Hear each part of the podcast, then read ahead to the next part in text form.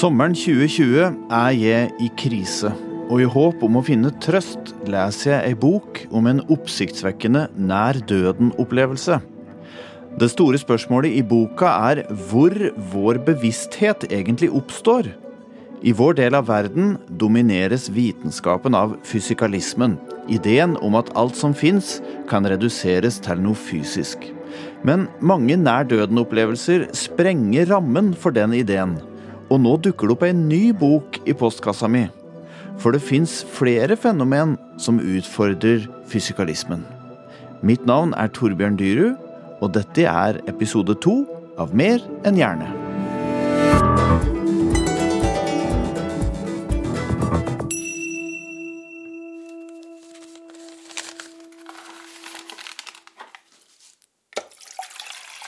Det har vært i september, og jeg har begynt med behandling.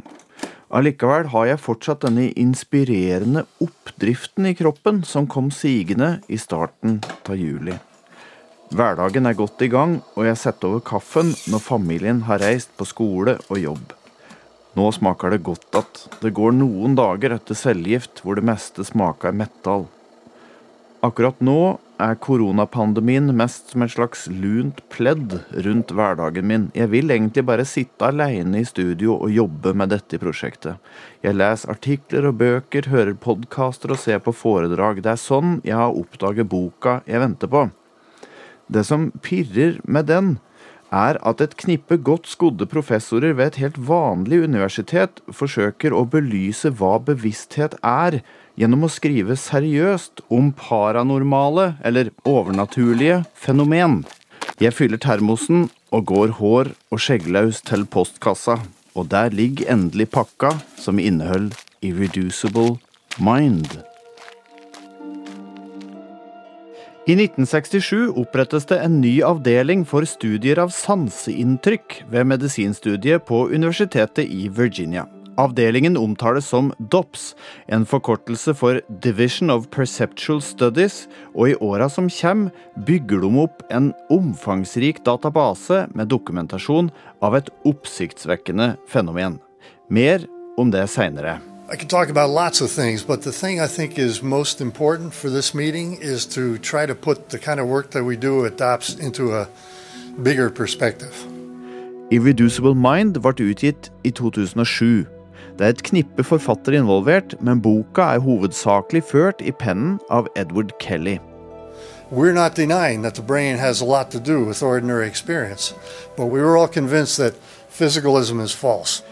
Det du hører her, er fra et foredrag som ligger på universitetets hjemmesider. I likhet med et par andre av forfattere er Kelly professor ved nettopp DOPS.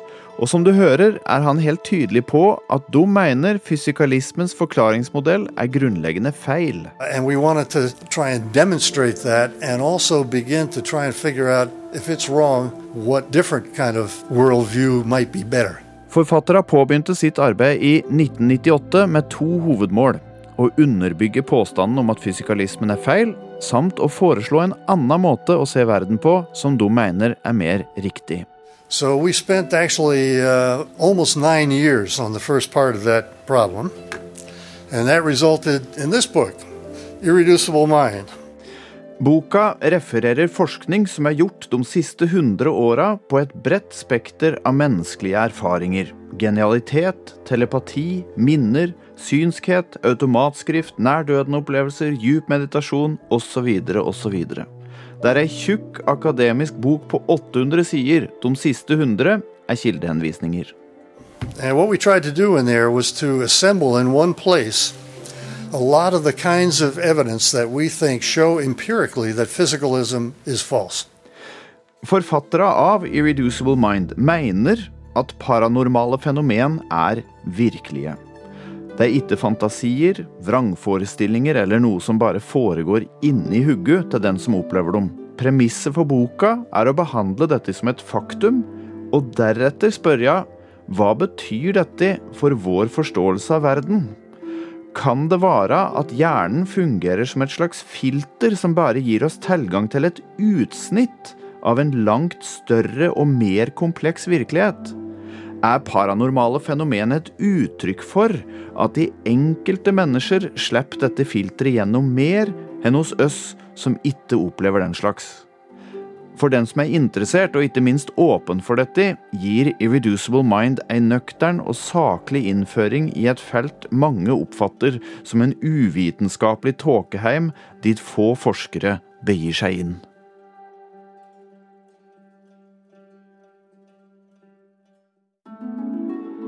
Jeg legger fra meg boka og går ut igjen i studio for å jobbe videre.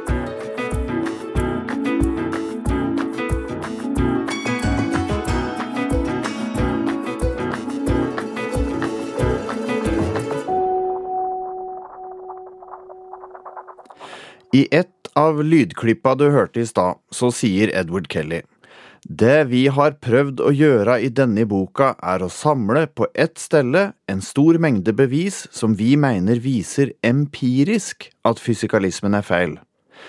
I Store norske leksikon står det empirisk, erfaringsmessig, det som bunner i eller stemmer med erfaringen.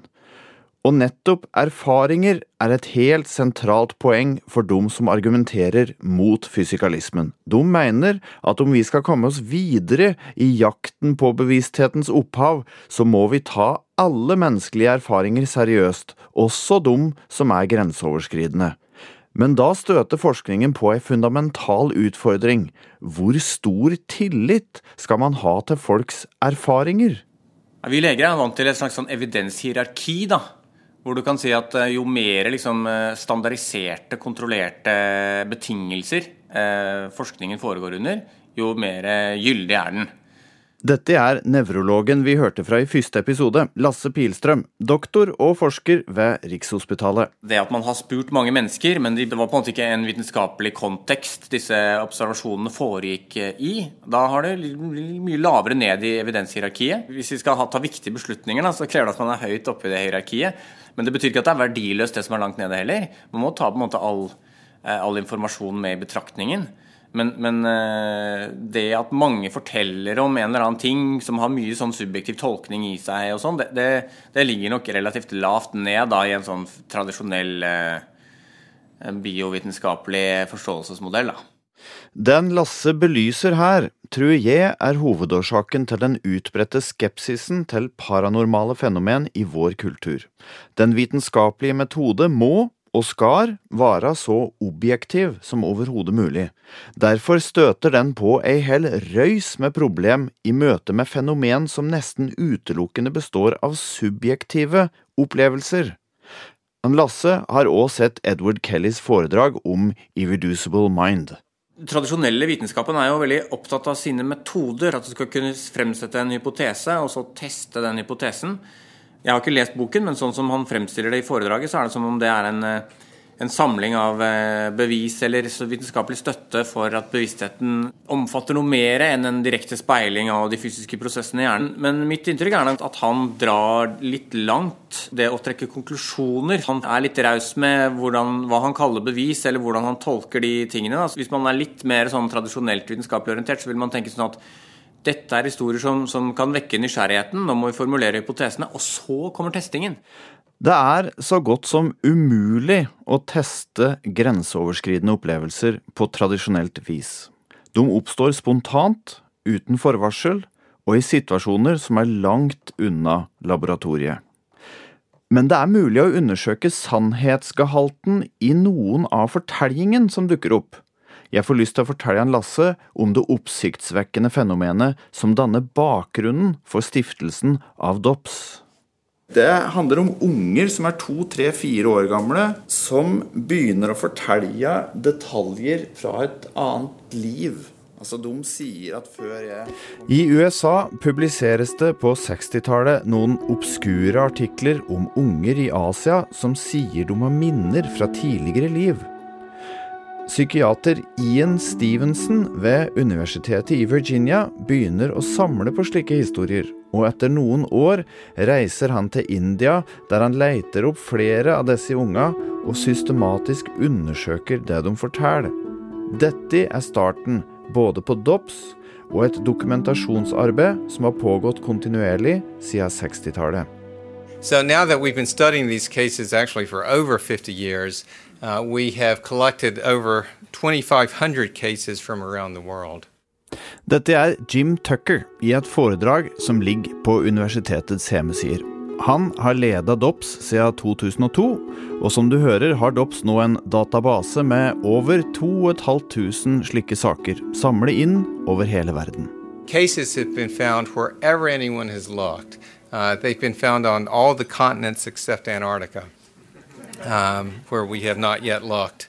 Unga er som regel to til tre år gamle når de spontant begynner å fortelle. Som regel avtar det når de blir seks-sju år, og det de forteller om, er helt ordinære liv. Uh, they are not talking about being kings or queens. They almost never talk about being a famous person, but instead somebody perfectly ordinary who lived uh, usually in the same country and often even fairly close by. Jim Tuckers arbeid består i å dokumentere og undersøke det unga forteller. Han kartlegger hva de har sagt, når de har sagt det, og om de kan ha plukket opp informasjon fra ordinære kilder. Some of them talk about being a deceased family member, but others describe being strangers in other locations. And if they give enough details like the name of that location, then people have often gone there and found that in fact somebody did live and die I to tredjedeler av disse sakene har det lykkes DOPS å identifisere den personen unga sier de har vært, og det viser seg ofte at de har gitt forbløffende presise beskrivelser fra denne personens liv. Et kjent tilfelle er James Lininger, som i en alder av to år begynner å fortelle om en flystyrt der han sjøl har omkommet. He's a boy who talked about being a pilot who was killed during World War II. Før han kan lese, og før smarttelefoner og nettbrett gjorde internett tilgjengelig også for toåringer, i et hem der ingen er noe spesielt interessert i verken flyvåpen eller krigen, begynner toåringen å oppgi spesifikke detaljer som seinere viser seg å stemme helt overens med faktiske hendelser i Stillehavet under andre verdenskrig. Han navngir skipet sitt, flytyper han har flydd, han gjenkjenner øya slaget sto ved, og sier han var pilot sammen med Jack Larson. Det viser seg etter hvert at Jack Larson fortsatt er i live, og han kan verifisere ei rekke opplysninger som lille James har fortært. Og ikke nok med det. Han kan også identifisere den eneste amerikanske piloten som mister livet under slaget om den japanske øya Iwo Jima. James Houston jr. fra Pennsylvania. Så da har du plutselig et liv som er levd, som et lite barn har inngående kjennskap til. Og det er, ingen, det er liksom ingen måte for den ungen å skulle få kjennskap til dette livet når han er to, tre, fire år gammel.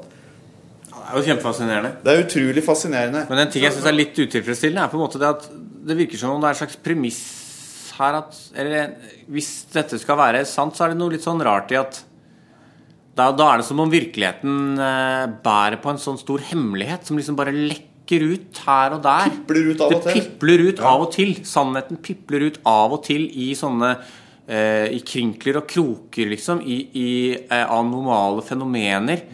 Eh, og det har noe liksom, nesten litt sånn konspirasjonsteoretisk over seg, føler jeg. At det burde vært liksom Hvis virkeligheten var sånn, så burde det vært sånn at vi alle opplevde disse tingene hele tiden. Hvorfor får ikke alle være med på dette? Ja, hvorfor, for, hvorfor har ikke jeg møtt noe sånt barn? Hvorfor har ikke jeg hatt noe nær døden-opplevelse? Så det, det virker som den er avhengig allikevel av uh, unntakshistorier, da.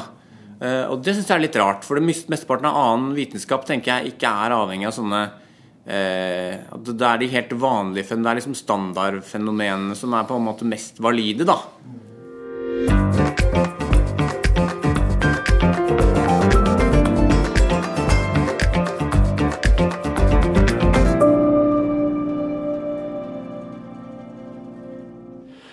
I forrige episode fortalte sykehusprest Øystein Buer åssen han fikk tilgang til andre historier fra pasienter enn det kirurger og nevrologer fikk. Dette er dype ting i bevisstheten deres, i minnet deres, som de må ha trygghet for å fortelle. Det er veldig interessant i seg sjøl. Det sier noe om fenomenets eh, varekarakter. Der doktorer ikke hadde vært borti pasienter som fortalte om nær døden-opplevelser, fikk presten høre om flere slike da han spurte de samme pasientene. Blant de ca. 50 til nå som jeg har snakka med, så er det en rekke pasienter som har eh, kjennetegn på nær døden-opplevelser. I stad sa han Lasse hvis dette skal være sant, så er det som om virkeligheten bærer på en stor hemmelighet som bare lekker ut her og der. Det er et godt poeng som gjør det naturlig å introdusere et nytt begrep som står veldig sentralt i alt dette. Tru. Hva skal en tru på? I en telefonprat streifer en Øystein, sykehuspresten, innom forholdet mellom vitenskap og tru. Han tenker på tru som en mental kapasitet som mennesket besitter. Og den er, den er grenseoverskridende på en annen måte enn vitenskapen, for vitenskapen den er begrensa av sin metode. Og Det er derfor jeg tenker altså vitenskapelig metode. Man må bare vite at det er ett aspekt av virkeligheten man kartlegger da. Man kartlegger ikke alt. For nevrologen er det utilfredsstillende at det bare lekker ut her og der, og at grenseoverskridende fenomen bare dukker opp som avvik. Men jeg opplever det samme som Øystein Buer. Jeg finner folk med slike erfaringer når jeg leter etter dem. Så nå har jeg bestemt meg for å se meg rundt på Toten etter folk med erfaringer som ligner det jeg har lest om i Irreducible Mind. Og den første jeg kommer på å spørre, er av Anne Marte. Hun er sykepleier og har stelt mange døende pasienter.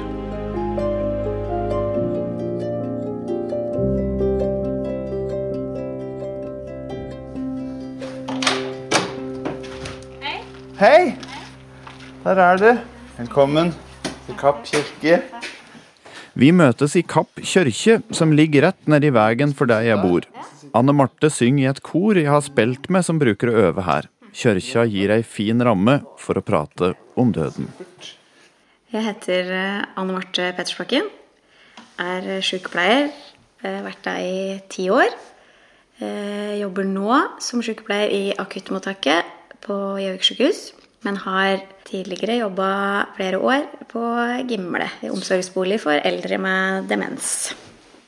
Du har jo sikkert jobba der med døende, eller på en måte møtt mange som Har du vært til stede når folk har dødd? Og, ja, ja, det har jeg. Mm. Hvordan vil du liksom beskrive det som skjer når noen dør?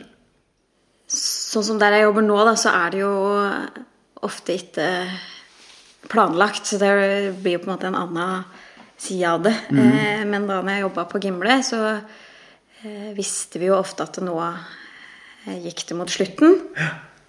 Og mange kan jo ligge i flere dager uten noe særlig næring. Men, men ved hjelp av litt smertestillende, slik at de ikke skal ha det vondt og ikke være redde, da. Det er vi jo veldig opptatt av. og det er noe med den roa som er inne hos disse som ligger for døden jeg mener at det er veldig viktig at vi hele tida er til stede. At vi prater til dem mm. og med dem. Mm. For bevisstheten er jo ofte større enn evnen til å kunne tale eller eh, Det er jo gjort forskning på at hørsel er det siste du mister. Det er tre ting jeg er nysgjerrig på om Anne Marte har vært borti. Det første fenomenet kalles terminal klarhet. Jeg har lest om at folk kvikner til stutt tid før livet tar slutt.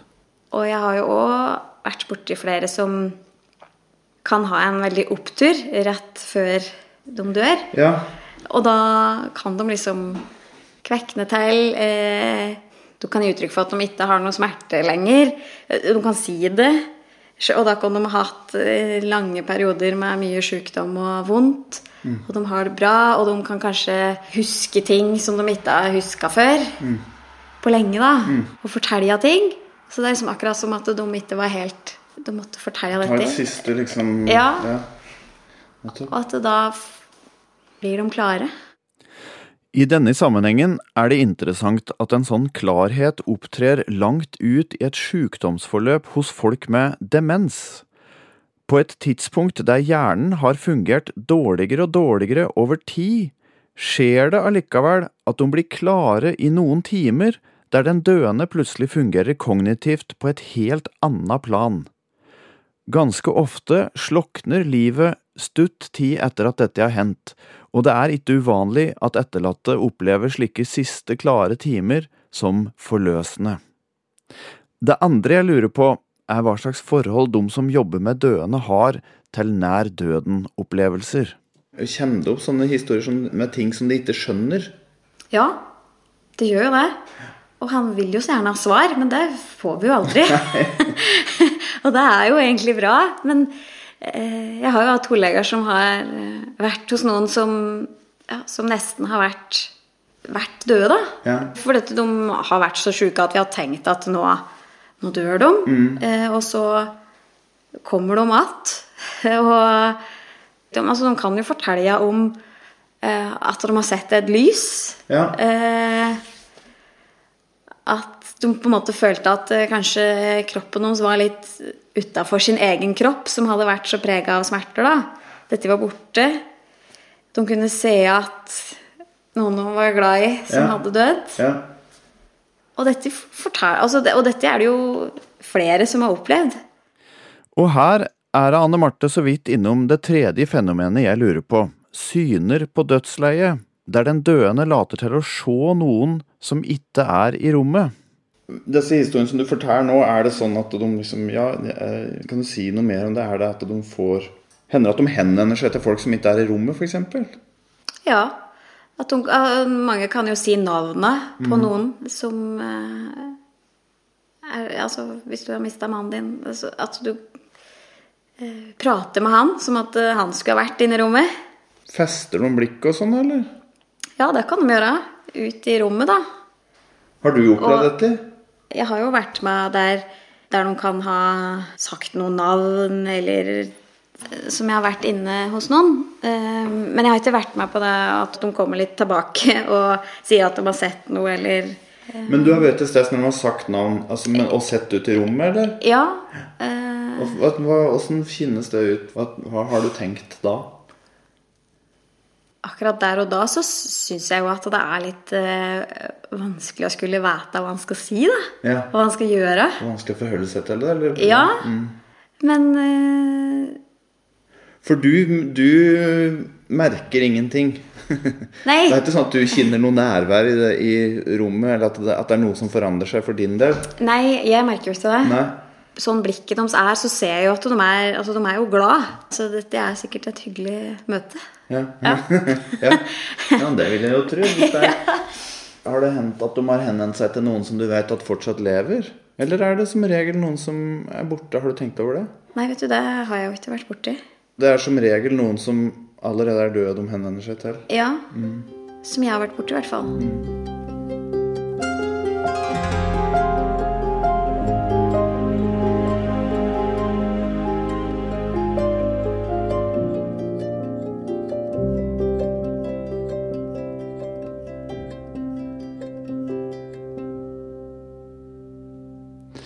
Den amerikanske legen Christopher Kerr leder et senter for lindrende behandling av døende i Buffalo. I et foredrag fra 2015 forteller han fra sin forskning om hvilke drømmer pasientene hans har på dødsleiet. In our first study, we spoke with 66 patients every day until their death and gathered 450 interviews. I den første undersøkelsen førte de 66 pasienter med daglige intervjuer fram til de døde. Hele 80% av dem fortalte at de hadde drømmer de opplevde markant annerledes enn vanlige drømmer. Mange beskrev dem som virkeligere enn virkeligheten. Men hva drømte de om? What we found out was 72% dreamed of the deceased. Hele 72% av dem drømte om mennesker nært dem som allerede var døde. Sia Kerr er overlege ved en institusjon som gir lindrende behandling, er det selvfølgelig svært viktig å undersøke om drømma gjør pasientens dag bedre. Did different dream content provide different levels of comfort? And here's comfort on a 0 to 5 scale, with 5 being the highest. Da pasientene ble bedt om å bruke en skala fra null til fem for å beskrive hvilke drømmer som ga dem mest trøst, fikk drømmer om nære avdøde 4,2 i snitt. Interessant er det òg at hyppigheten på disse drømma skyter markant i været inn mot det tidspunktet der pasienten dør. And as patients approach death, they have a dramatic increase in the frequency of their dreaming, but dreaming specifically of the deceased, Fra Buffalo til Bøverbru. Christopher Kerr og Anne Marte Pettersbakkens erfaringer overlapper han helt tydelig, og det fascinerer meg. Ikke fordi det beviser noe, men fordi det peker en annen vei. Det er forunderlig at det oppstår en klarhet rett før døden som tilsynelatende trumfer hjernens tilstand. Det er forunderlig at det nesten støtt er avdøde mennesker som viser seg i syner på dødsleiet, og det er forunderlig at de som har disse opplevelsene, stadig vekk insisterer på formuleringa 'virkeligere enn virkeligheten'.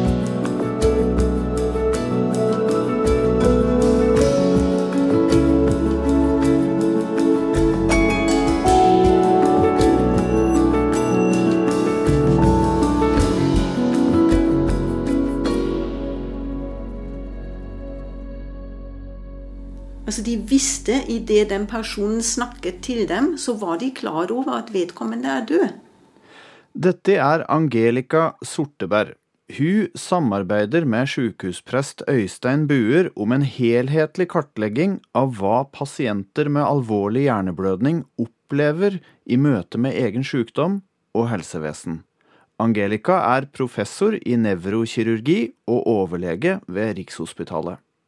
Og det som har egentlig slått meg med det vi hittil har funnet ut av, det er at veldig mange som har hatt opplevelser, eh, beskriver helt spontant ja, men dette var en drøm. Og dette, dette var en bivirkning av medikament. Jeg fikk smertestillende, og så de, de sier nei, det, dette var en hallusinasjon. Men så er de veldig tydelige på at de hadde en annen opplevelse, f.eks. et nærvær, og at de har truffet en avdød forelder som har snakket til dem, som verken var drøm eller en hallusinasjon. Det var bare helt reelt at vedkommende har vært der og har snakket med meg. Det er de sjøl som gjør denne distinksjonen? Ja, ja. Det var overraskende for meg at, at de på en måte Jeg spurte meg hva er det som gjør at de kan si dette var en drøm, og det andre var ikke en drøm. At det må ha en helt annen kvalitet. Dette er viktige nyanser, for vi går antagelig glipp av informasjon ved utelukkende å sortere pasientas opplevelser som hallusinasjon eller drøm. I Øystein og Angelicas materiale, som skriver seg fra intervjuer og en solid bunke spørreskjemaer, dukker det opp flere pasienter som insisterer på at de opplever noe helt annet og mye djupere. Mm. Begrepet 'virkeligere enn virkeligheten' syns jeg at jeg møter på hele tida når jeg har lest om dette. Er det noe dekk uh, Altså Det jeg har lagt merke til, er at de opplever det som virkelig. Mm. Så virkelig at de tror at det har hendt og skjedd. Altså at de har vært med på en hendelse når de våkner opp. Og denne, denne virkelighetsgehalten, den, den syns jeg er et av de kriteriene som, som, som uh, skiller nær døden-opplevelsen ut ifra hallusinasjonen. Som de nok kan avsløre tidligere som ikke-virkelig. Mens nær døden-opplevelsen blir stående som virkelig i tiår etterpå. Mm. Ja, det er riktig. Det, det har flere også skrevet mm. sant, i den besvarelsen. at uh, Eh, hallusinasjon, da visste de på en måte at det var, det var ikke reelt. Selv om det virket reelt der og da, så ble det i hvert fall i ettertid korrigert. Mens det andre ble stående. At det har de opplevd. Det var reelt for dem. Angelica, kan du si litt mer om hallusinasjoner? Hva som preger den opplevelsen? Hva det er for noe? Er det, er det, er det mye mer sånn kaotisk opplevelse, har du inntrykk av? eller? Hallusinasjon er jo en, et sanseinntrykk, som regel visuelt, men kan også være akustisk, som kun du opplever. Som andre som er rundt deg, ikke kan se eller høre. Da er det en hallusinasjon.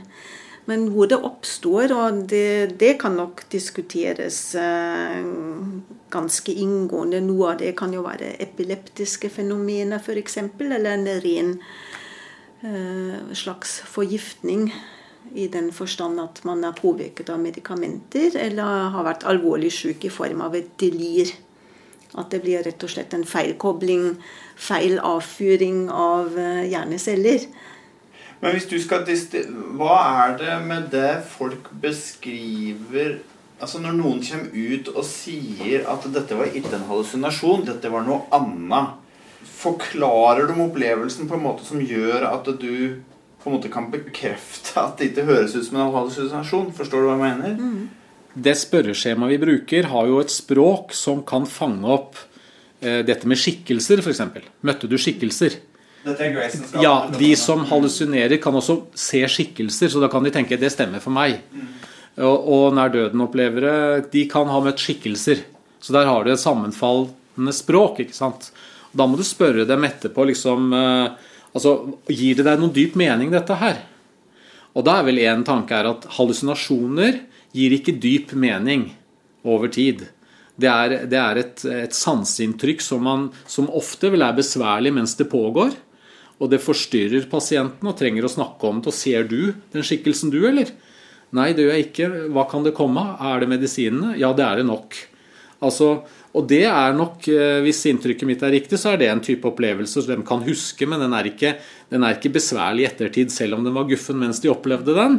Og den har ikke en dyp meningsdannelse. Det er ikke noe som forandrer livene deres.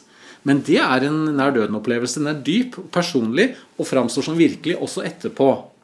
Så Derfor blir det en kvalitativ eh, forskjell mellom de opplevelsestypene. Selv om man kanskje bruker samme språk på noe av det. Du har mening, som er veldig viktig, og så er det det med at det foregår en korrigering også i det øyeblikket de opplever det. At veldig mange mm. i det de opplever det, vet at det er faktisk ikke sånn. Nei. Det er ikke noe hode som ruller, det er ikke mm. noe aborter som gjennomføres i rommet. Altså Det er noen som mm.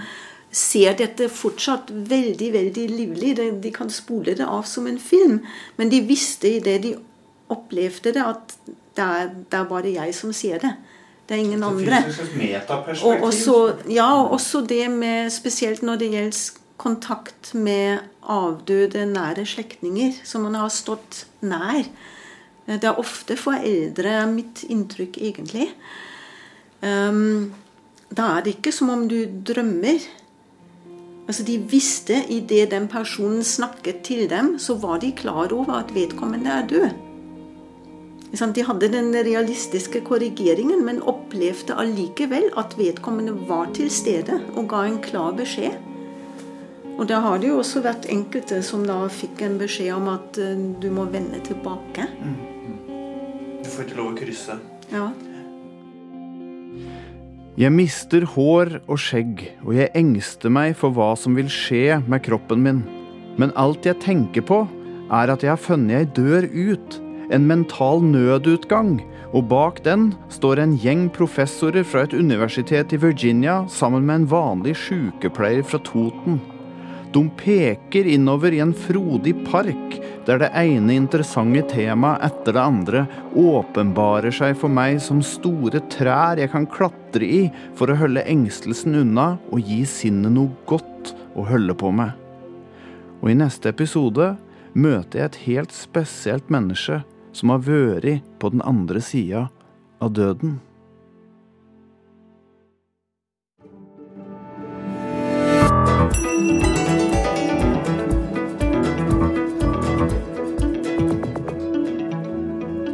Du har hørt andre episode av Mer enn gjerne. Stor takk til dem som ble intervjuet i denne episoden. Lasse Pilstrøm, Anne Marte Pettersbakken, Angelica Sorteberg og Øystein Buer. Takk også til Brage Kvasbø og Espen Alknes, som har bidratt med gode innspill underveis. Du hørte sitat fra Edward Kellys foredrag 'Consciousness is more than brain activity', Jim Tuckers foredrag 'Children who remember previous lives', 'The case of James Leininger', og Christopher Kerrs TEDX-foredrag 'I see dead people dreams and visions of the dying'. Du finner alle disse foredragene på YouTube. Mitt navn er Torbjørn Dyrud, og det er jeg som har gjort intervjuer, skrevet tekster, komponert musikk og klippet sammen det hele.